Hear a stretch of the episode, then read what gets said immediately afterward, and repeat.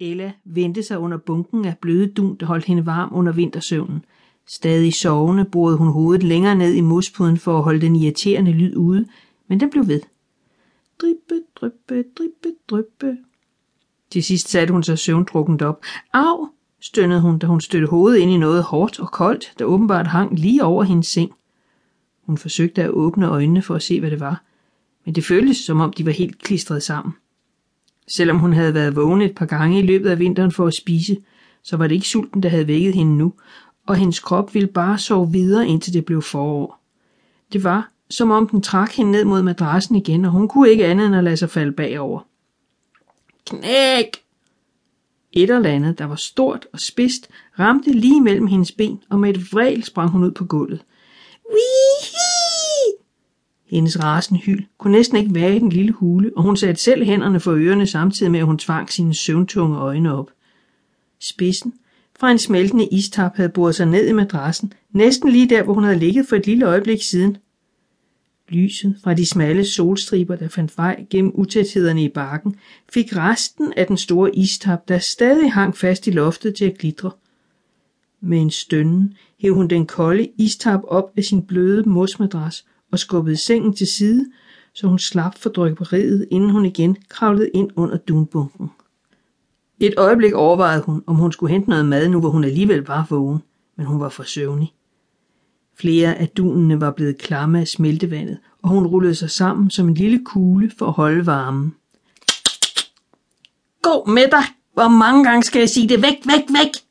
lød det højt udenfor. Ella stønnede. Kunne man da ikke få ro til at sove? Hvad mener du? Det er da min redder.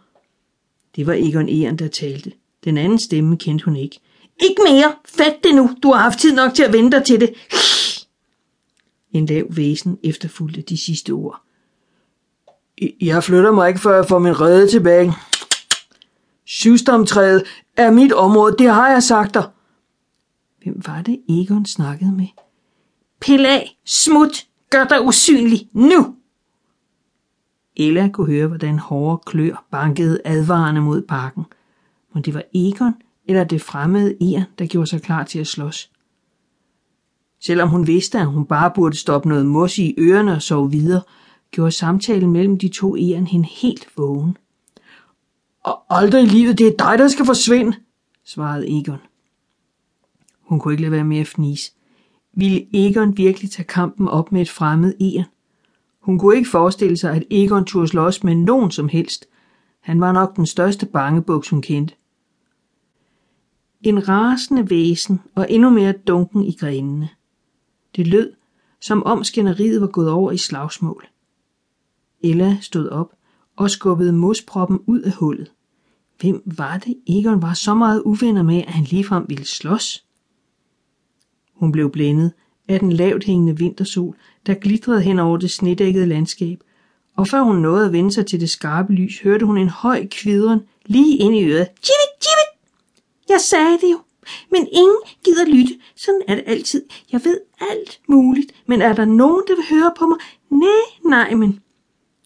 Ella forsøgte at flytte sig fra Mia Musvits irriterende kvideren, men fuglen hoppede rundt på alle de små kvister omkring hende, så hun til sidst blev helt rundtosset.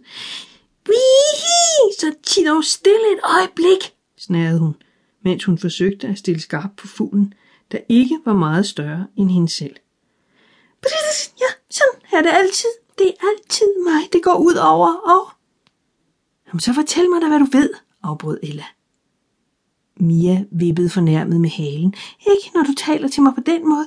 Jeg har altså også følelser, så hvis du tror, at... Godt, så lad være med at sige noget. Ella vendte sig væk fra fuglen, men hørte i det samme en høj pipen fra erenreden op i træet. Havde Egon fået unger? Mia Musvit kvidrede lavmælt, som om hun forsøgte at viske. Sådan går det, når man ikke kan holde sig fra fremmede hunder. Jeg sagde det jo allerede i efteråret, hvor han for rundt efter Edith. Det der, det går galt. Men hørte han efter? Nej, og nu betaler han. Ja, det gør han. Og... Men det er jo hans redde, forsøgte Ella at indvende. Har hun ikke selv en redde? I altså, tvit, tvit. Man kan godt høre, at du har sovet dig fra det meste af vinteren. Musvitten flagrede op og fløj i små buer i retning af grænskoven, der rejste sig vintermørk på bakken bag syvstammetræet. Et øjeblik efter